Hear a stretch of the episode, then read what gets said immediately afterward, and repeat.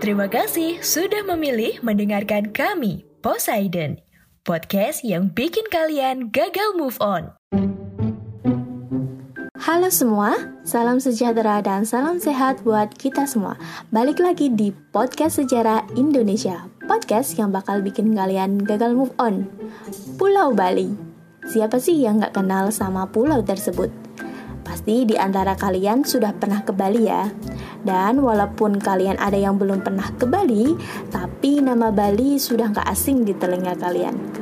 Meskipun sekarang ini mata dunia mengincar Pulau Bali, namun di abad ke-19, bangsa Barat belum tertarik dengan pulau yang dijuluki sebagai Pulau Dewata ini. Baru di tahun 1830, pemerintah kolonial Belanda mulai menanamkan pengaruhnya di Bali.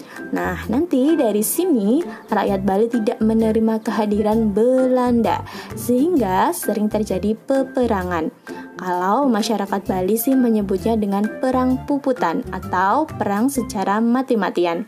Perang puputan itu sebenarnya ada banyak sekali ya, walaupun yang paling kalian kenal itu perang puputan Margarana yang dipimpin oleh I Gusti Ngurah Rai. Ya, beliau adalah pahlawan nasional yang ada di uang Rp50.000. Pada masa kolonial Belanda juga terjadi perang peputan loh, yaitu lebih dikenal dengan Perang Jagaraga. Kenapa sih bisa dikatakan Perang Jagaraga? Let's listen up.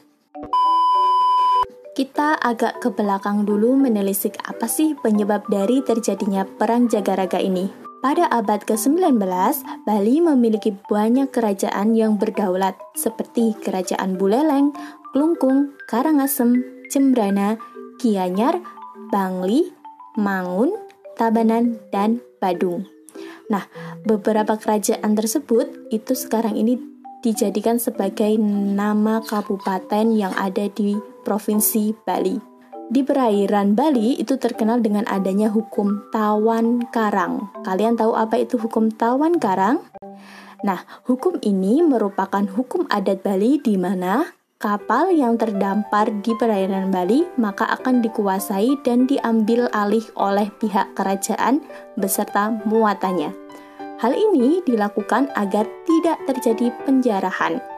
Nah, dari hukum tawan karan inilah Belanda berusaha untuk menghapusnya. Belanda berusaha melakukan perjanjian dengan beberapa raja Bali agar menghapus hukum tawan karang tersebut dengan mengirim pasukan dan menyerang daerah Bali. Namun, kerajaan Buleleng dan Karangasem tidak mau melakukan perjanjian tersebut. Terbukti, kerajaan menyita kapal milik Belanda yang ada di perairan Bali.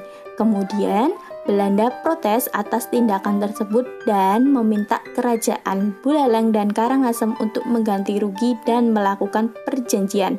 Namun ditolak mentah-mentah oleh Raja Karangasem dan Buleleng. Dengan bantuan patih kerajaan Buleleng bernama I Gusti Ketut Jelantik, beliau mampu menambah kekuatan untuk menyerang Belanda.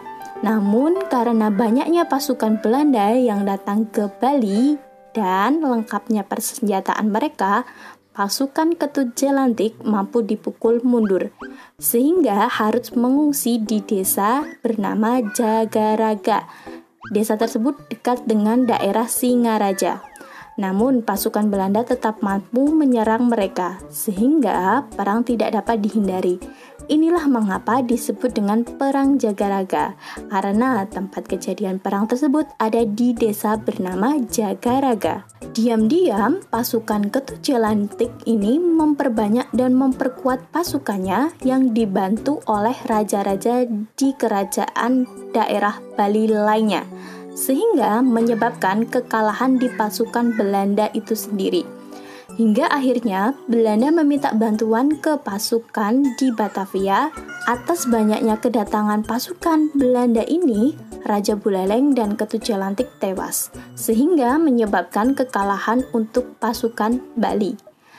Nah, kerajaan lainnya seperti Karangasem itu akhirnya mampu dikuasai oleh pihak Belanda. Namun sebenarnya rakyat Bali tidak serta-merta berhenti melakukan perlawanan terhadap kolonialisme di Bali. Terbukti di tahun 1906, Kerajaan Badung melakukan perang puputan dengan pasukan Bali. Wow, hebat sekali ya pasukan Bali yang tak kenal menyerah untuk mengusir penjajahan di tanah mereka. Terbukti semangat ini masih ada pada setiap orang di Bali.